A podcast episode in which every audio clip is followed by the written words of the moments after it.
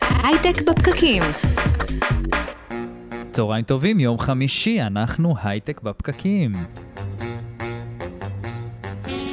צהריים טובים חברים, אנחנו כאן איתכם בהייטק בפקקים, מדברים על יזמות, סטארט-אפים, טכנולוגיה והעתיד. אני אדר חי, בקו השני נמצאת איתי נירית כהן, צהריים טובים. צהריים טובים, אדר. כאילו, התחלנו להגדיר קו בכל מיני צורות. כן, קו, זה קו, הקו. לקו יש צורה של קו, ממה שאני מכיר. כן. בהפקה של התוכנית היום, אורי טולדנו ושקד דמבו, אנחנו משדרים לכם גם בווידאו, בפייסבוק live של כלכליסט ואצטדיון הסטארט-אפ, אתם מוזמנים להיכנס לשם, לשלוח לנו שאלות ותגובות והערות בפייסבוק, אנחנו אוהבים שאתם uh, כותבים לנו דברים, ואתם יכולים לחפש אותנו גם באפליקציות רדיו תל אביב, סאונד קלאוד, ספוטיפיי וכל השאר, אנחנו uh, נמצאים שם תחת השם הייטק בפקקים, אתם נכנסים, עוקבים ובוחרים את הפרקים uh, שמעניינים אתכם. ואני חייב להגיד, להפסיק להגיד את המילה פרקים, כי למה? זאת מילה שמתבלבלת עם פקקים. אז כשאני אומר פרקים, אז אני מתבלבל. לא משנה. אה, היום שם אנחנו... לב לזה. כן. היום אנחנו מדברים על המפגש אה, בין עולם המשפטים להייטק וחדשנות. כן, כל הנושא ה... אה, שנשמע אפור כזה, משפטים, עורכי דין וחוזים. לא, לא, זה... זה ממש לא זה- אפור. זה הרובוטים לוקחים לנו את העבודה, והפעם. לעורכי הדין את העבודה. אז דווקא הפעם, השיחה הפעם לוקחים. לעורכי הדין. נטבעו אותם. כן, השיחה היא לא, השיחה היא מעניינת, אבל התחום הזה, אתה יודע, אני ישר חושב על, החוזה המשעמם והארוך שאני צריך לקרוא, זה כזה עונש. אה, קרה לי... אה, נו, אז איזה כיף אם לא תצטרך לקרוא. הרובוט כן, יקרא אותו. בשבילך, יגיד לך למה לשים לב. או איזה כיף אם כל הסיפור הזה היה נורא זול, כי הנה יש לנו כן. template אוטומטי, זה ולא עולה באמת צריך מאות עורך דין. דולרים לשעה, אז, אז כן. אני, מאוד נחמד לי פתאום לקרוא את החוזה הזה. אבל אה, לפני כן, אה, בואו נדבר על אה, חדשות השבוע, מה היה השבוע בהייטק. חדשות השבוע. אורי טולדנו. אוקיי, היה, תראה, אם היית פותח את החדשות בישראל, אז היה שבוע יחסית, יחסית רגוע. אה, ואחרי שעשיתי את זה ואמרתי, טוב, אין על מה לדבר, בוא נבטל את הפינה, שבוע יחסית רגוע דברים. בתקופת הקורונה, זה... נכון? זה ברכה אפילו כן. יכול להיות. מה אתם יודעים על הפריצה שהייתה שבוע שעבר לטוויטר? אה, שפרצו לג'ו ביידן ולכל זה? מיני... ול- לאילון מאסק. ביל גייטס. ביל גייטס, אוף, כן, לסלבים. יפה, יפה. אז מה אתה יודע? מה אתם יודעים על זה?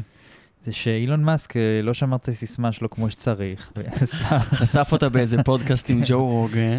זה- כן. לא- לא עושים password בסיסמה, זה לא הולך ככה, אילון, מה... ואם היית צריך לה- להאשים ככה, כמובן, לכאורה, רק אה, לא מבוסס, אם היית צריך להאשים, את מי היית מאשים בפריצה הזו? לא, אני לא אגיד את זה. נכון, זה רק יסבך אני אותך. אחשוב על זה. אני בסדר. חושב את זה. אוקיי, נירית, אם את היית צריכה להאשים מישהו ככה סתם מהבטן? שקד דמבו היה פרץ. נכון, שקד... טוויטר? מה? את טוויטר? טוויטר. את טוויטר עצמה. כן, האמת. שזה לא רחוק ממה שקורה. נו, אז מה קרה? אז בניו יורק טיימס אה, ה- הפורצים אה, נחשפו. הם נתנו המון עדויות שאכן אלו הם הפורצים. אה, מדובר בחבר'ה צעירים, בני 20 ל-30, כמובן לא חשפו את הזהות שלהם. השמות דומיינים שלהם, אחד בחור קירק, אנחנו לא יודעים אם זה גבר או אישה, אה, אחד בשם LOL ועוד אה, כמה חבר'ה צעירים. נשמע שהם לא בדיוק עלו עליהם, על הניקניימים שלהם. זה? סתם שיאמם להם. אם אני אנסה, ב... כמובן שזה לא, היה הם רצו פרוד. לעשות כסף, הם עשו נכון. כסף. זה היה פרוד, בהודעות האלה שפרסמו כל המפורסמים, מה שהם כתבו זה, אה, החלטתי להחזיר חזרה לקהילה, אני פותח את הלב, מי שישלח לי עכשיו לחשבון ביטקוין הזה בחצי שעה הקרובה ביטקוין, אני אחזיר לו פי שתיים תוך חצי שעה. נשמע משהו שזה- שביל גייטס לא היה נכון, כותב. כן, או, או ג'ף בזוס, שגם אה, על- עליו השתלטו. fraud קלאסי.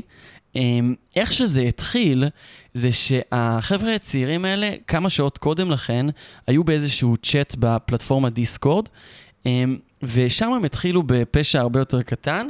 הבחור שהדומיין שלו קירק אמר, אני עובד בטוויטר ואני יכול לעשות פלוס מינוס מה שאני רוצה.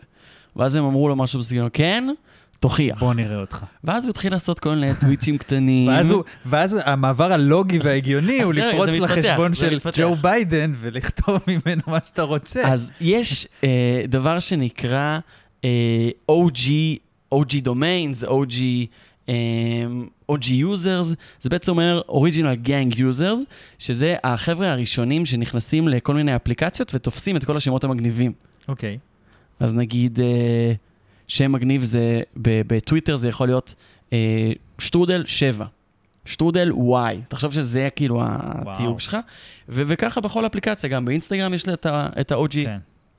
והם מכרו כאלה, הם פרצו לאנשים שיש להם את ה- את ה-Original Gang Names המגניבים, ולקחו להם אותם, זה התחיל, זה השלב הראשון. אה, ואז אחד מהם אמר, טוב, אני הולך לישון, משעמם לי, הפשע הזה לא מספיק. כן, לא מספיק, הוא-. אני הולך לישון, הוא התעורר בלילה, ואז הוא כבר קרא בעיתונות מה שקרה. אוקיי. ו- והסיפור הזה הם הרוויחו אה, 180 אלף דולר בביטקוין. אז זה הסיפור, לא, לא רוסיה, לא סין. והתחלת מלהגיד שהוא עבד בטוויטר, נכון? מה אז שאמרת. הוא, ט- הוא טען שהוא עובד בטוויטר, אה, אנחנו לא יודעים אם זה באמת נכון.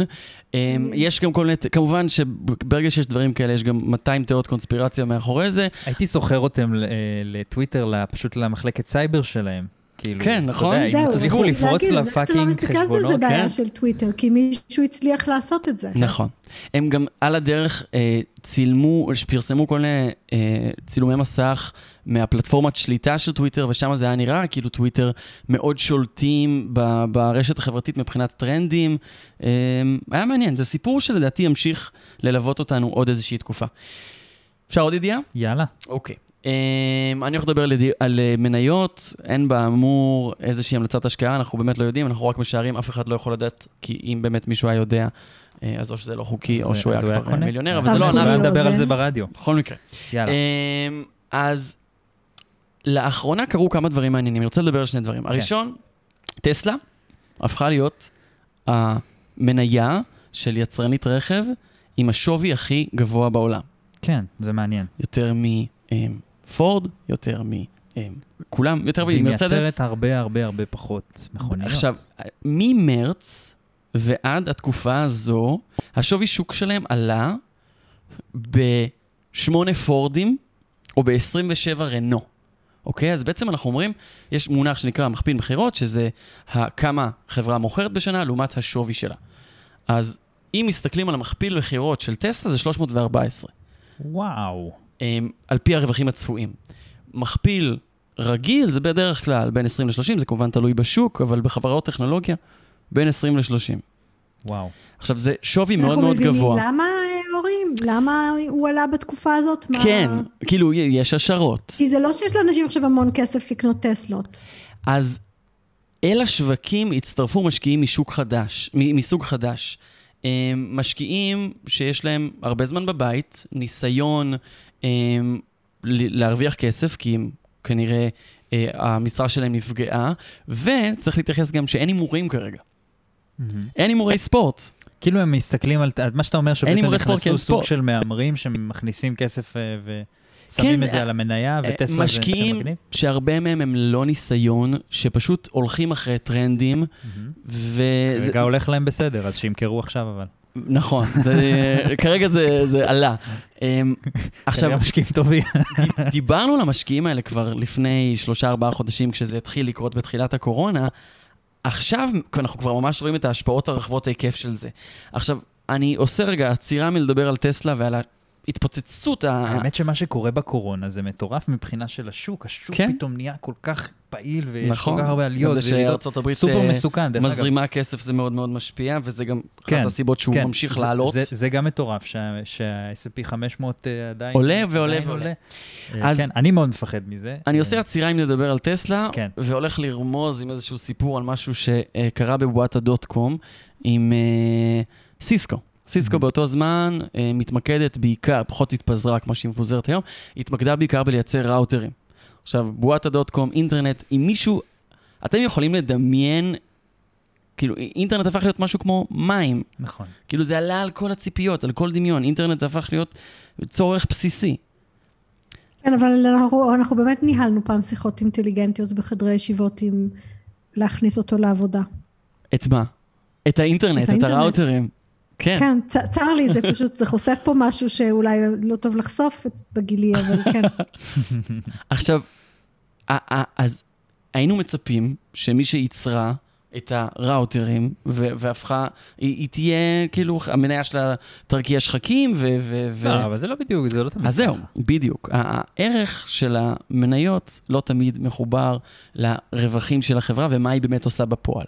ו- וה... זה אגב, זה אגב יותר מזה, ופה פה. דווקא, אה, אורי, אני, אני אצטט את אה, דוד פסיג, הוא, הוא סיפר פעם, תסתכלו על תעופה.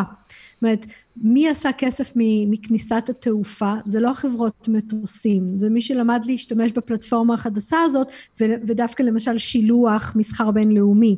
אותו דבר, מי עשה כסף מהאינטרנט? פייסבוק, זה גוגל. לא המכונות שמפעילות את האינטרנט, אפרופו ראוטר, מהמם. אלא האמזונים שלמדו לעבוד על האינטרנט. כן. לגמרי, זה בעצם השלב הבא, ו- ו- ופייסבוק ו- וגוגל הם בעיקר אלה ש- שאנחנו מתעסקים בהם בתוכניות שלהם, כי הם למדו להרוויח מזה, אבל אני רוצה לדבר על, ה- על הערך המנייתי.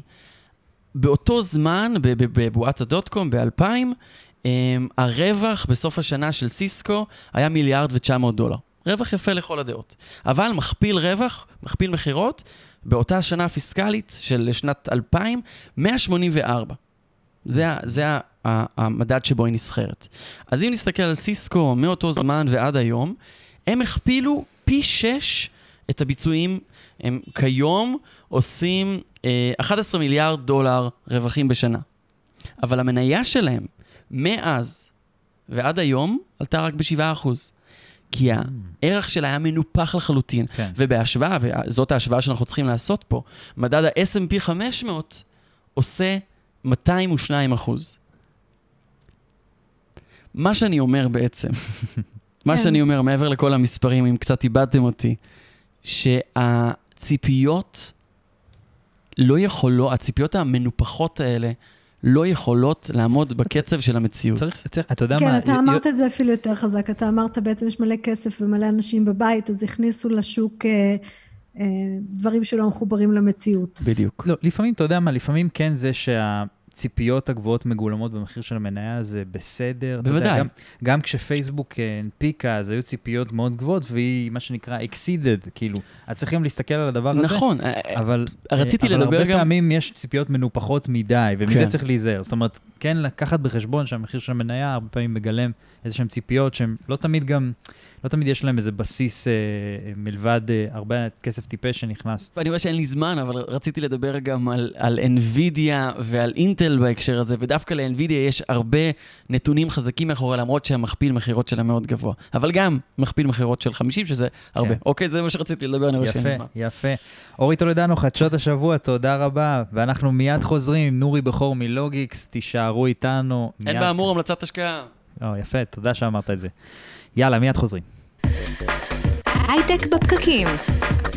הייטק בפקקים, חמישי בשעה 12, 102 FM, אנחנו חזרנו. מזכיר שאנחנו גם משדרים בפייסבוק, העמוד שלנו נקרא אצטדיון הסטארט-אפ, הקבוצה שלנו הייטק בפקקים והשידורים החיים בווידאו. וגם כל הפרקים שלנו מוקלטים לשמיעה כפודקאסט באפליקציות ספוטיפיי, סאונד קלאוד, אפל פודקאסט, אתם יכולים להיכנס. אה, אנחנו הייטק בפקקים, אתם יכולים לעקוב אחרינו. ונמצא איתנו כאן אה, נורי בכור, מנכ"ל ומייסד לוגיקס. לוגיקס אה, הכריזה לא מזמן על אה, גיוס של 20 מיליון דולר.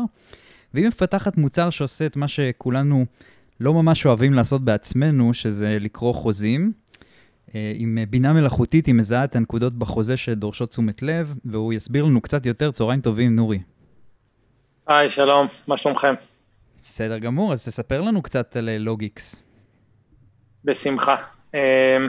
טוב, אז לוגיקס אה, נולדה לפני קרוב לשבע שנים, מתוך הכאב האישי שלי. אה, עבדתי בעולם של עריכת דין משהו כמו שמונה שנים, שנתיים במחלקה משפטית, אז היית עורך דין בעצמך. במשרד. היית עורך דין בעצמך כן. לפני כן. אוקיי. נכון, הייתי עורך דין בעצמי, ובעצם בשלב מאוד מוקדם אה, הייתי די מתוסכל מזה שהרבה מהעבודה היה שבלוני, רפטטיבי, ומהצד השני לא ראיתי שום טכנולוגיה שיכלה לעזור לי. אה, אז, אז ככל שעבדתי בזה, אותה, אותה תחושה התגברה יותר ויותר, ואז החלטתי לעשות משהו. ו... לעשות מעשה. הר... לעשות מעשה. והרעיון שלי היה במקור, שאם נצליח ללמד את המחשב להבין את השפה של אה, עורכי הדין, את השפה של החוזים, נוכל לעשות אוטומציה להרבה ממה שנעשה ידנית היום. וככה בעצם לוגיקס נולדה. אה, התחלנו להתעסק בבינה מלאכותית ל- למשפטים, לחוזים, הרבה הרבה לפני שזה הפך להיות סקסי, אה, ובעצם אה, זה התחום שלנו. אנחנו עושים אוטומציה לתהליך הבדיקה והאישור של החוזה. זה מדהים, אתה יודע, בתוכנית הקודמת אה, דיברנו על שיבוש של תעשיות מסורתיות, אתם לגמרי נכנסים תחת הקטגוריה הזאת. איך אתם הגעתם בעצם להבנה שיש בכלל היתכנות למה שאתם עושים? זאת אומרת, אתה בא בסוף לתחום שהוא קורה היום בצורה מסוימת, תחום משפטי. אני לא בטוח שבאותו זמן, ב-2014, שהקמתם את החברה לאנשים, היה אה, אה, טולרנטיות כמו היום לדברים אה, כמו שאתם עושים. איך, אה, איך אה, וידאתם שיש לזה היתכנות? חד משמעית, חד משמעית. כשהקמנו את, אה, את לוגיקס בעצם היו שתי שאלות גדולות. אה, שאלה ראשונה זו שאלה טכנולוגית, האם באמת אפשר להביא טכנולוגיה למצב שהיא מסוגלת לבדוק את החוזה אה, ברמה טובה מספיק כדי שישתמשו, ישתמשו בפתרון כזה. בעצם התהליך שעורכי הדין עושים הוא תהליך יחסית אה, אה, מורכב אה, ומצריך ידע שצוברים אותו על פני כמה שנים, האם אפשר לעשות אוטומציה לדבר הזה? זאת הייתה השאלה הראשונה. והשאלה השנייה באמת הייתה סביב השוק עצמו. זאת אומרת. קרו לא מעט מקרים בעבר, שאפילו פיתחת את הפתרון, את המוצר, את הטכנולוגיה, באת עם זה לשוק, והשוק לא היה מוכן לקבל אותו, כן? כן. הם, הבשלות של, המשתמשים לא הייתה שם. אז כמובן זאת הייתה שאלה כשהקמנו את החברה, וזה היה מאתגר, זאת אומרת, היינו צריכים להסביר אה, כל הזמן לכל מי שרק רצה לשמוע, שיש פה באמת פוטנציאל נורא גדול, לא ידענו, ל... לא ידענו, לא ידענו שאם יקבלו את זה או לא יקבלו את זה, פשוט אה, התחלנו את החברה מתוך אמונה בפוטנציאל ובצורך של השינוי הזה לקרות. אחרי שראינו עוד תעשיות אחרות שעוברות שינויים דומים, וליגל בעצם כמעט ולא לא, לא עברה את השינוי הזה עד אז. אני, אני חושבת אה, שרואים מאוד יפה את האופן שבו עשיתם את זה ב... בסלוגן שכתוב לכם אה, באתר, אתם בעצם, הרי חלק מהסיפור פה זה אתה לוקח לעורך דין את העבודה, וזה, זה, ואז בעצם הוא יספר למה המוצר שלך לא טוב, בגלל שהנה כל הסיבות למה לא לקנות אותו, אנחנו ראינו את זה בהמון תעשיות אחרות. אה, ואתה בעצם אומר, בוא ניתן לעורך דין להתמקד אה, באמת בעסקה ולא בשמונצס של המילים על החוזה. שזה בעצם להגיד, אני לא לוקח לו את העבודה, אני בעצם נותן לו כלי לשפר את היכולת שלו לעשות דברים יותר אסטרטגיים. חד, חד משמעית, ו, ובסוף, בסוף עורך דין, אה, הוא, הוא נותן שירות. זאת אומרת, הרבה פעמים בכל מיני תעשיות אנחנו מתאהבים בעבודה שאנחנו עושים ושוכחים שבסוף אני צריך לתת שירות טוב ללקוח שלי. הלקוח שלי יכול להיות, אם אני עורך דין במשרד, אה, אדם פרטי אה, או לקוח עסקי, ואם אני עורך דין בתוך מחלקה משפטית, בתוך חברה, הלקוח שלי הוא כל האנשים האחרים בחברה. אה, מישהו שמנסה למכור את המוצר וצריך שיטפלו לו בחוזה מהר, מישהו שיש לו שאלה מסוימת וצריך מענה. אז בסוף, עורכי דין לא חיים בוואקום, הם צריכים לתת שירות. ומה שהבנו בשלב מאוד מוקדם, זה שהתהליך הזה של הבדיקה והאישור של החוזה, הוא צוואר בקבוק מאוד גדול. והחוזה הזה בעצם מה שעומד בינינו לבין העסקה שאנחנו רוצים לעשות אותה. אם לא נוכל לטפל בו בצורה מהירה ויעילה, העסק יסבול. לא נעשה את העסקה או נעשה אותה לאט יותר. זה אומר או שנכניס פחות כסף, או שנכניס כסף פחות מהר, או יותר גרוע, בסוף העסקה תלך לאיבוד, כן? הרבה פעמים יש דינמיקות של השוק. אם אני לא אה, סוגר את העסקה מהר, אז יבוא המתחרה שלי ויסגור את העסקה יותר מהר ממני. אז העורך דין של העולם הבחינות... החדש הוא בעצם משתמש בכלים שלכם? או שאתם מש... מחליפים אותו משמעית. לגמרי? לא, מי העורך דין של העולם החדש? החדש? מה הוא עושה? מה, הוא כבר לא שולח טמפלטים של חוזים. העורך דין של העולם החדש. כן, סליחה. אני אומר, הוא כבר לא שולח טמפלטים של חוזים, מה, מה הוא עושה אז? כן, אני חושב שאנחנו בתהליך של שינוי, זאת אומרת, הוא, הוא בוודאי עוד לא הושלם, אנחנו בתהליך של אה, חינוך מחדש של השוק ואבולוציה. אני משוכנע שאם בעבר, כשאני עבדתי בתחום הזה, 100% מהעבודה היה ידני, כן? אנחנו עכשיו בתהליך שחלקים מהעבודה יהפכו להיות אוטומטיים. Mm-hmm. אנחנו מתמקדים בחלקים האלה שקשורים לאישור ולבדיקה של החוזים היומיומיים, אבל יש עוד חלקים. אז החלקים האלה, העורך דין החדש אה, מהסוג החדש יצטרך ללמוד להשתמש בכלים כדי לאפשר אותם, לעשות אותם בצורה יותר רעילה, או בכלל לתת ללקוח לעשות את זה בעצמו, או שעורך הדין ישתמש בכלי כדי לשרת את הלקוח בצורה יותר טובה.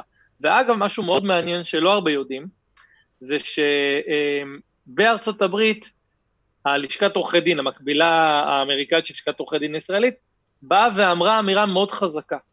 היא אמרה, תראו, לא רק שלהשתמש בטכנולוגיה זה, זה לא רשלנות מצד עורך הדין, להפך, אם אני יכול לעשות עבודה מסוימת בצורה יותר יעילה עם טכנולוגיה, אז לא להשתמש בטכנולוגיה זה רשלנות.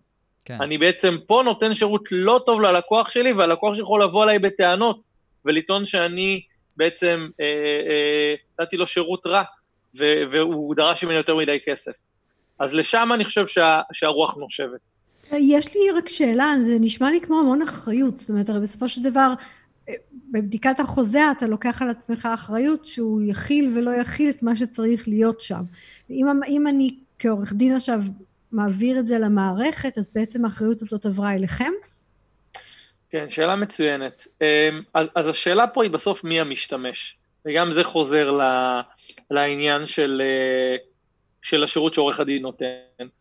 איך שאני רואה את זה, בסוף העורך דין הוא זה שמפעיל את הכלי, הוא זה שמחליט מה הדברים שחשובים, לבדוק, הוא מגדיר את המדיניות המשפטית של הארגון, של הלקוח, והוא גם מוודא שהמדיניות הזאת נאכפת. זאת אומרת, בסופו של דבר הוא האחראי הבלעדי למה שקורה. אנחנו כלי בשירותו, אנחנו עוזרים לו או לה לעשות את העבודה יותר טוב, אבל הוא מנהל את המדיניות, הוא משמש בתור ה-escalation point, אמ, היא, אה, היא זו שמטפלת דברים יותר מורכבים.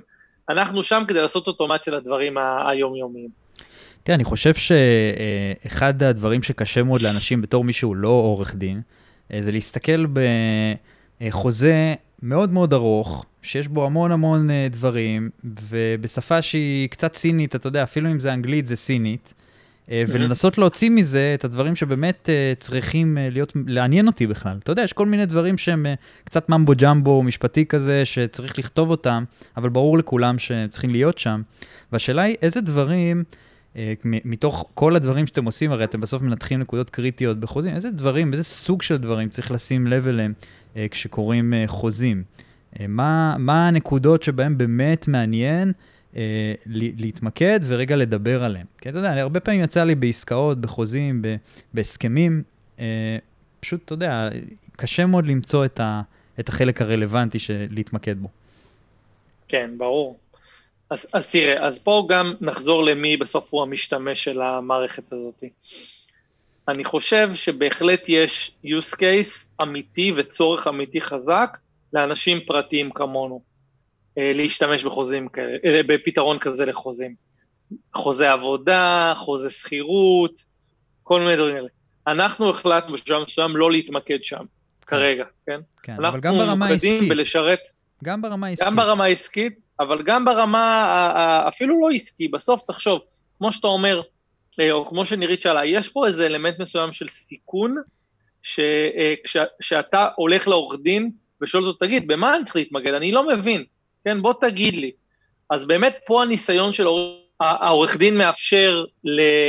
מאפשר לי לדעת איפה אני צריך למקד את התשומת לב שלי. ואני בתור אדם פרטי לא תמיד יודע. אז דווקא פה להחזיק לי את היד ולעזור לי, יש צורך הרבה יותר ברור מאשר, ב, מאשר ב, במקרה השני שאתה משרת מחלקה משפטית. כי כשאתה משרת מחלקה משפטית, יש לך את העורך דין הזה שיודע מה חשוב ומה לא חשוב. הוא מגדיר את המדיניות המשפטית ואנחנו אוכפים אותה. אז שם אנחנו מתמקדים. אמ, שזה אגב גם מסיר את השיחה של האדם אה, נגד המכונה, כי בעצם מה שאתה אומר, זה אני לא מחליף את העורך דין אל מול הלקוח הפוטנציאלי ולוקח לו את העבודה כמו שעשה לצורך העניין אה, אה, Airbnb לבתי מלון, אז אתה בעצם אומר, אני נותן לה, לעורך דין כלי כדי לייעל את כמות השעות שהוא עובד, לבדוק את החוזה, כדי שהוא יוכל לעשות יותר חוזים לכל יחידת זמן ולגבות יותר. או לעשות עבודה יותר איכותית, או לעשות עבודה אחרת, שבלונית, כן. להתעסק במשאים ומתנים מורכבים, להביא את היצירתיות שלו. כן, בהחלט. אני עדיין מאמין באמת שבסוף גם נגיע לעזור לאנשים הפרטיים, אבל זה פיצוח שהוא קצת שונה, בגלל הפערי ידע הכאלה גדולים שנמצאים. אני, אני לגמרי מבין את הצורך בכזאת סיטואציה, במישהו שיחזיק את היד ויסביר ויעזור לגשר על הפער הזה.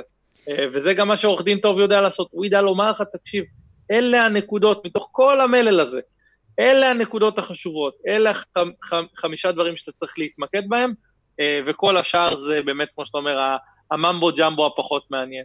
כן. בוא נדבר רגע על עולם העבודה, שעכשיו אנחנו הרבה מדברים עליו בהקשר של הקורונה. הרבה מאוד אנשים עדיין הולכים ללמוד משפטים. מצד שני, קמות אה, חברות כמוכם, אה, שמשנות את המקצוע הזה מאוד, ואנחנו לא יודעים איך הוא ייראה אה, בסוף התואר. כן.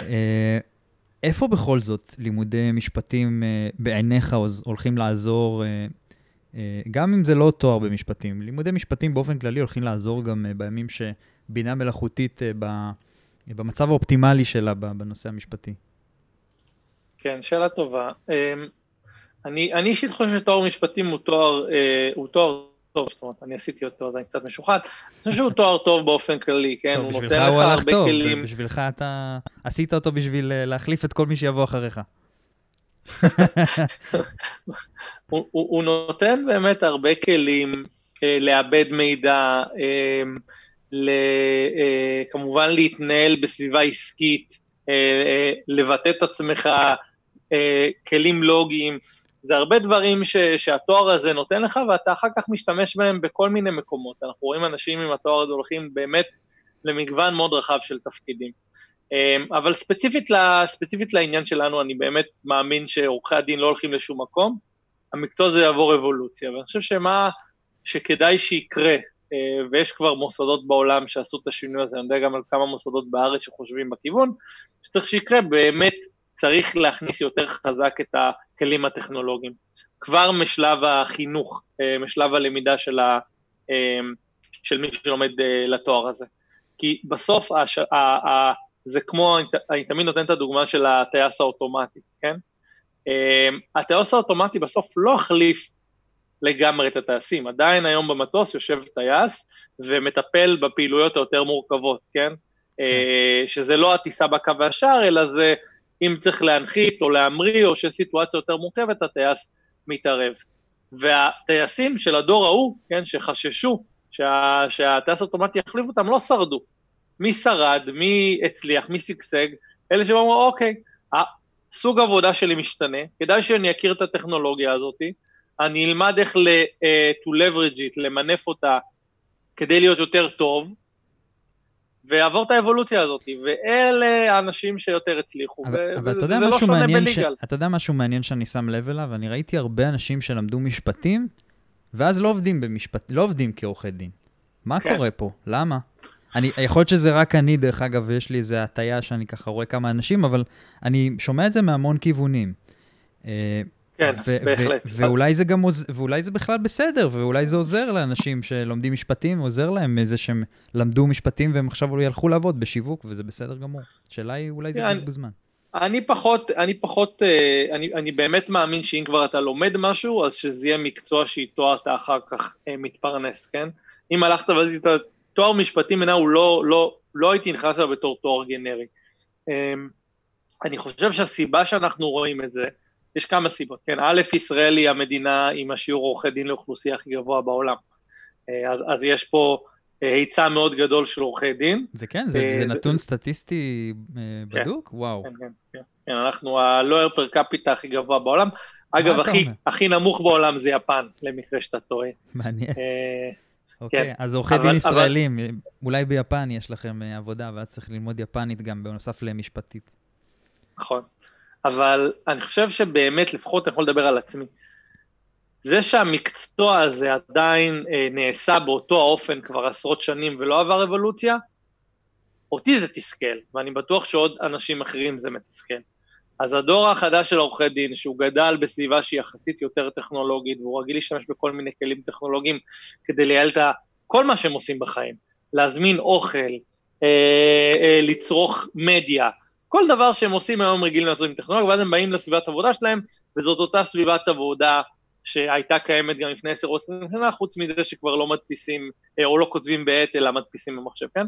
אז תיקח מתיש. אותנו, תיקח אותנו רגע קדימה, זאת אומרת, אם אתה כבר מסתכל על ה-disruption, המפגש בעצם של הטכנולוגיה עם המקצוע ועם ה, עם התחום הזה, ואתה אומר היום אני עדיין נותן עזרים בידיים של העורך דין, מה, מה בעצם, לאן זה יתפתח? אם אתה מסתכל ככה, עורך דין עוד עשר שנים, מה יהיה התפקיד שלו?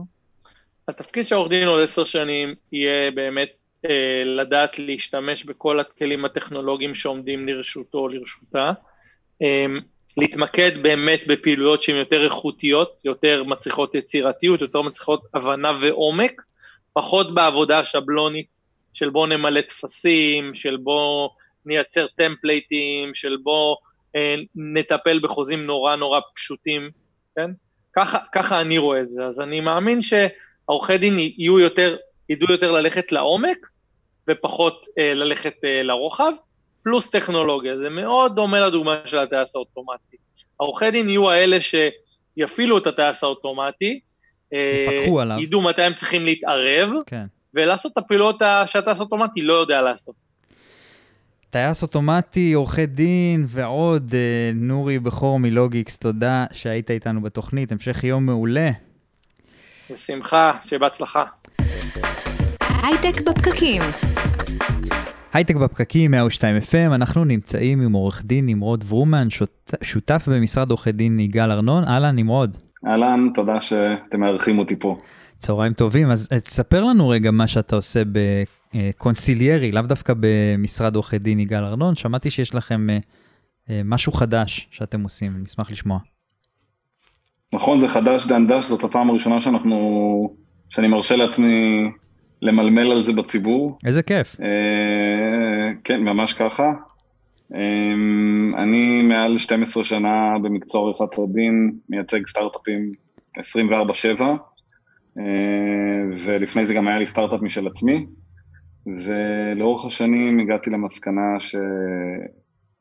לאט מה שהסטארט-אפים דורשים יותר ויותר זה את הצד העסקי של הייעוץ, קצת פחות את הצד המשפטי, לפחות הם נותנים ערך, הם מעריכים את הצד העסקי, וכנ"ל גם המשרד שלי הרגיש את זה, אז החלטנו לצאת על למסע של חדשנות ולהגיש לסטארט-אפפים ייעוץ עסקי, לכל חברות הטכנולוגיה, אבל עם איזשהו פוקוס על סטארט-אפים. זאת אומרת, אתה משרד, סוג של משרד עורכי דין שמה, כאילו אתם, אתם כבר לא עוסקים במשפטי או שאתם גם נותנים את הייעוץ המשפטי? יגאל ארנון, אחד ממשרדי עורכי הדין הגדולים בארץ, ויישאר ככה עוד הרבה זמן, הוא קיים ברור. גם מעל 60 שנה.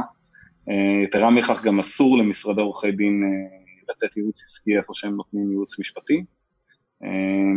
אבל אנחנו מייסדים בתהליכי ייסוד של חברת ייעוץ נפרדת לחלוטין, מנותקת מהמשרד, שדרכה אנחנו ניתן, אה, ל, לא רק ללקוחות שלנו, אנחנו ניתן לחברות עסקיות שצריכות את הקשרים האלה ואת התכנון האסטרטגי הזה, ייעוץ עסקי סביב תהליכים, שהתהליכים האלה הם תהליכים מאוד חשובים לחברות הללו, אבל הם אף פעם לא יוכלו לצבור מומחיות בתהליכים האלה, כי התהליכים האלה קורים אחת, שתיים, חמש פעמים בחיים של החברה, ולכן אף אחד מהמנהלים או המנהלות...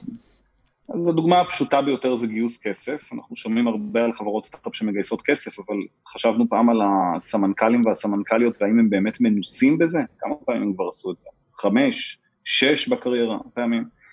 דוגמה שנייה שהיא יותר מעניינת לחברות גדולות זה רכישה של חברות אחרות. למצוא חברה, להתאים את כוח האדם שאנחנו קונים לתרבות הארגונית שלנו, לעשות פולו-אפ אחר כך, לקבוע תנאים שהם הגיוניים ומודדים את ההצלחה של הקליטה של החברה שאנחנו קונים, וכמובן למכור את החברה שלנו, ויש עוד הרבה מוצרים חדשניים מאוד שהיום לא קיימים בתעשייה, שהם בוא נגיד כרגע סודיים עד אז, אז אתם בעצם אומרים, אתם בעצם אומרים ראינו הרבה עסקאות, ראינו הרבה גיוסי כספים כעורכי דין, ואנחנו כבר מבינים מאוד את התהליך, ואנחנו יודעים לתת גם ייעוץ שהוא מעבר לנושא המשפטי, אז בואו ניתן אותו אה, במקום נפרד, שגם אין לו את ההגבלות של מי שמייעץ לך באופן משפטי. מעניין אותי גם ההקשר של אה, למה, למה התחלתם את זה, כי אתם בעצם אמרתם, השירות המשפטי, מה, הוא לא נותן uh, מספיק value בצורה שהוא היום, או שיש איזשהו משהו על הרצפה שכרגע uh, אף אחד לא נכנס אליו? מה בדיוק היה המוטיבציה? אמ, ניתן לך תשובה מלאה על הנושא הזה. אה, לפני 15 שנה, אה, רואי החשבון אה, התחילו, שולי הרווח שלהם, מהעבודה שלהם, שזה לבקר דוחות כספיים, התחילו לרדת. הרווחיות שלהם התחילה לרדת מביקורת דוחות כספיים. והם נאלצו לחפש דרך אחרת להגיש את ה... למכור, לעשות אפסל לשירותים של הביקורת, והם רכשו חברות ייעוץ וגילו ברבות השנים שחברות הייעוץ מייצרות להם הרבה יותר ערך ב... בתוך הארגון, גם סינרגטי וגם כספי, מאשר הביקורת עצמה, לאורך זמן. אמ, זה לא בדיוק מה שאנחנו עושים, אבל אה, האבולוציה הזאת של שירותי ראיית החשבון, גם עורכי הדין הולכים לעבור אותה ב-10-20 שנה הקרובות. איך היא נראית? הלקוחות, היא נראית כמו כמו כל דבר בישראל, היא נראית כמו מלחמה. אה, יש מלחמה בין לקוחות לעורכי דין. עורכי דין רוצים לשמור על מבנה פירמידה, הם רוצים לגבות כסף פר שעה ולייצר מסמכים ולמכור שירות משפטי שלפחות בעבר נתפס כשירות קרדינלי לחברה, קריטי לחיים שלו. לקוחות, ככל שהזמן עובר, אומרים, רגע, לא תובעים אותי, אני לא באמת בבית משפט כל הזמן, כמה זה באמת קריטי אם יש מישהו שיודע לייצר לי מסמכים ברמה טכנית גבוהה, אה, לייצר אותם בסך הכל סטנדרטים, שאפשר להבין מה הסטנדרטים בשוק היום, אה, למה אני צריך לשלם כל כך הרבה על השירות הזה? ובמלחמה הזאת יש מה שנקרא קו מגע. וקו המגע הזה הוא בישראל. ב ecosystem הטכנולוגי בישראל. למה דווקא בישראל? כי הלקוחות בישראל הם גם הכי מתוחכמים, והם גם הכי חצופים. הם אומרים לעורך הדין בפרצוף, מה הם חושבים על אה, ערך העבודה שלהם. שלחת לי טמפלט ועשית כמה שינויים שאמרתי לך לעשות. זה משפט שמישהו שהיה ביחידה צבאית יכול לומר לקולגה עורך דין פה בארץ, אבל תנסו לומר את זה לעורך דין אמריקאי מנוכר אה, במשרד של אלפיים עורכי דין, ואתם פשוט תקבלו את החשבון ולא ידברו איתכם יותר.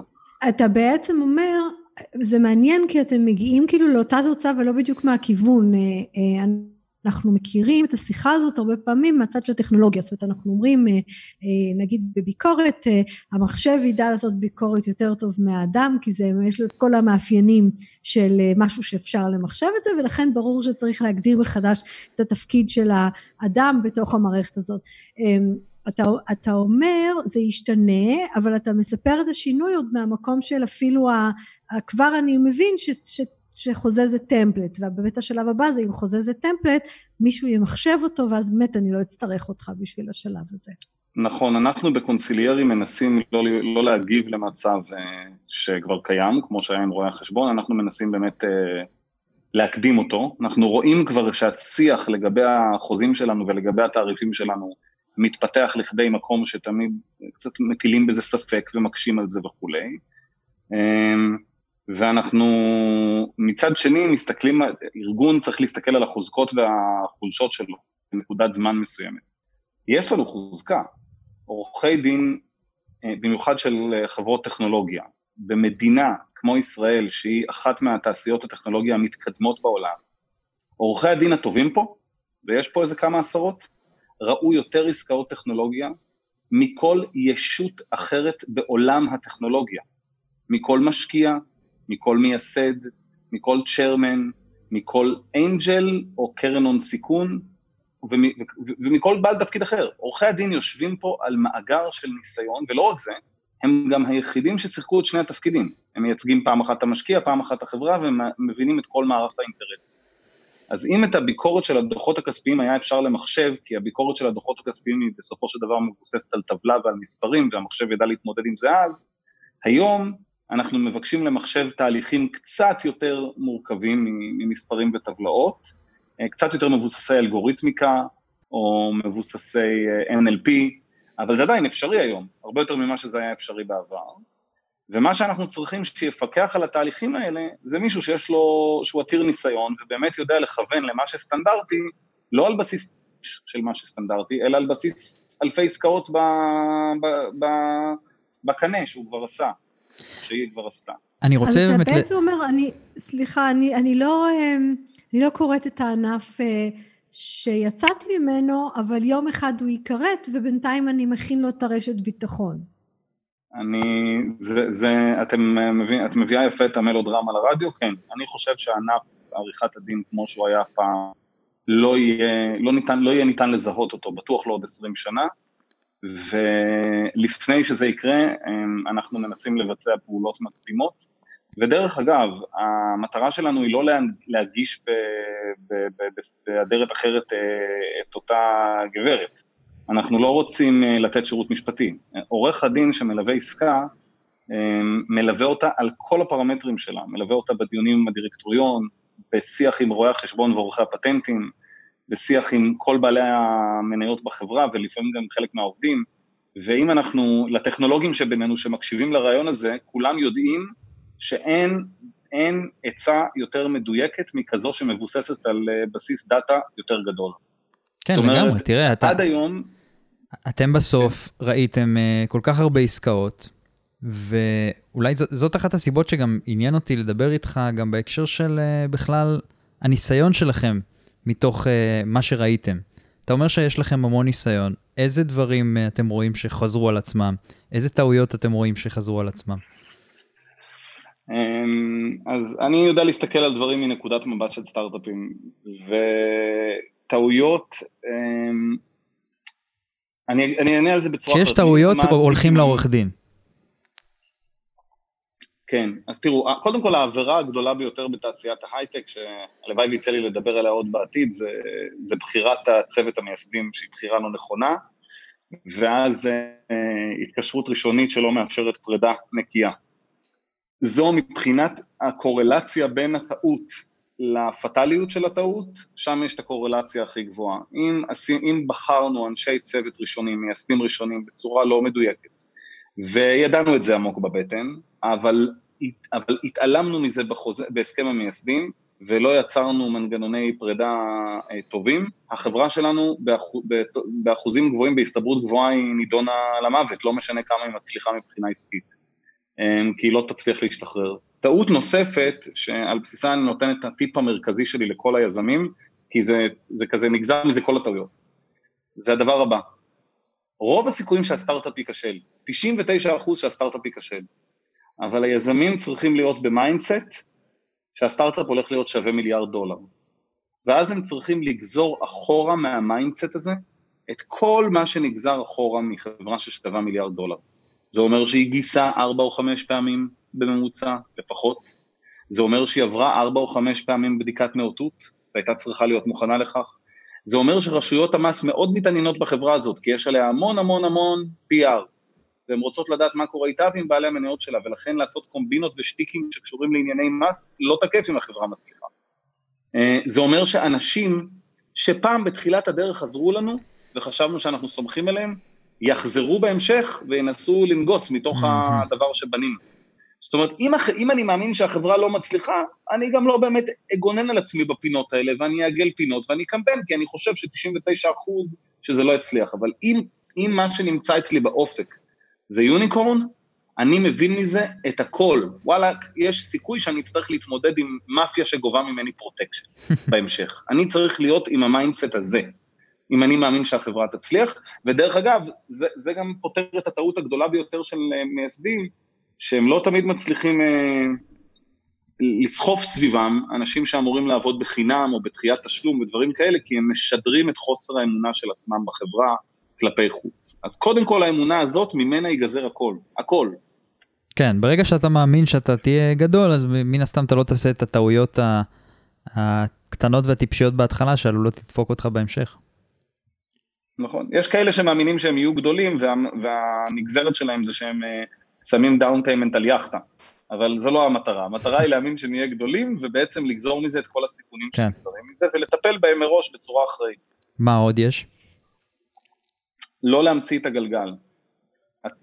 יזמים צריכים להיות אה, סופר יצירתיים סביב שני דברים, המוצר וכל מה שסביב המכירה שלו, ובניית התרבות הארגונית והצוות באופן שימשוך את העובדים הטובים ביותר אליהם ולא לאמזון, שמשלמת יופי של כסף. שם תהיו יצירתיים. כל ההסדרים החוזיים נכתבו עשרות אלפי פעמים בתעשייה משוכללת כמו ישראל. לבזבז זמן ולהמציא שם הסדרים ולא לקבל ייעוץ על מה סטנדרטי, זה לא חוכמה, זה חוכמולוגיה, זה יעלה לכם ביוקר, לא יבינו את מה שאתם עושים, ולא תקבלו על זה שום קרדיט אף פעם. אני לא ממליץ ליזם להביא חדשנות עסקית. אני יכול להבין עורכי דין שמביאים חדשנות עסקית, או מנסים משהו קצת חדש פה ושם, או קרנות הון סיכון, אבל יזמים צריכים לשאול את היועצים שלהם מה סטנדרטי במקרה X או Y, ונטו לשאוף לסטנדרט. ברמה המשפטית. ממנו. ברמה המשפטית, לי ש- stick to the basics, מה שנקרא. אני מרשה לעצמי, אני מרשה לעצמי אורי ללכת יותר מזה, לא רק ברמה המשפטית, גם ברמה העסקית. עכשיו אני רוצה לחשוב על אה, מנגנון תגמול של סמנכ"לית שיווק, לא צריך להמציא את הגלגל, עם כל מיני יעדים שייחודיים לחברה שלנו. בואו נשאל מה קורה במשק עם סמנכ"לי שיווק אמ, בחברות, אה, בחברות מהסוג שלי, כאילו business to consumer או business to enterprise, זה משתנה, ונקבע על בסיס זה מנגנון ש, שנמצא בטווח הסטנדרט, ולא נמציא משהו, כי היה בא לנו להמציא משהו, להתנסות בניהול. אז מה שנקרא, זה, יש... זה, זה לא רק המשפטים. יש מקום להיות יצירתיים, יש מקום אה, שפחות. עורך דין נמרוד וומן מיגאל ארנון, תודה רבה שהיית איתנו, וצהריים טובים. תודה לכם, תודה רבה. ואנחנו לקראת סיום, אז אה, תודה לכל מי שהיה איתי, נירית כהן, אה, אורית טולדנו, שקד דמבו, אה, תודה לכלכליסט ולרדיו תל אביב על שיתוף הפעולה, ותודה לכם שהאזנתם לנו, ואם הצטרפתם רק בסוף, אתם לא צריכים לדאוג, אנחנו נמצאים אה, לעולמי עד בפודקאסטים, אתם יכולים לשמוע אותנו, אפליקציית רדיו תל אביב, ספוטיפיי, סאונד קלאוד, אייטיונס וכל השאר. חפשו בפקקים או הייטק בפקקים, אתם כנראה תמצאו אותנו ותעקבו אחרינו כמובן. אנחנו הייטק בפקקים, ימי חמישי, שעה 12, רדיו תל אביב, 102 FM, אנחנו נתראה בשבוע הבא.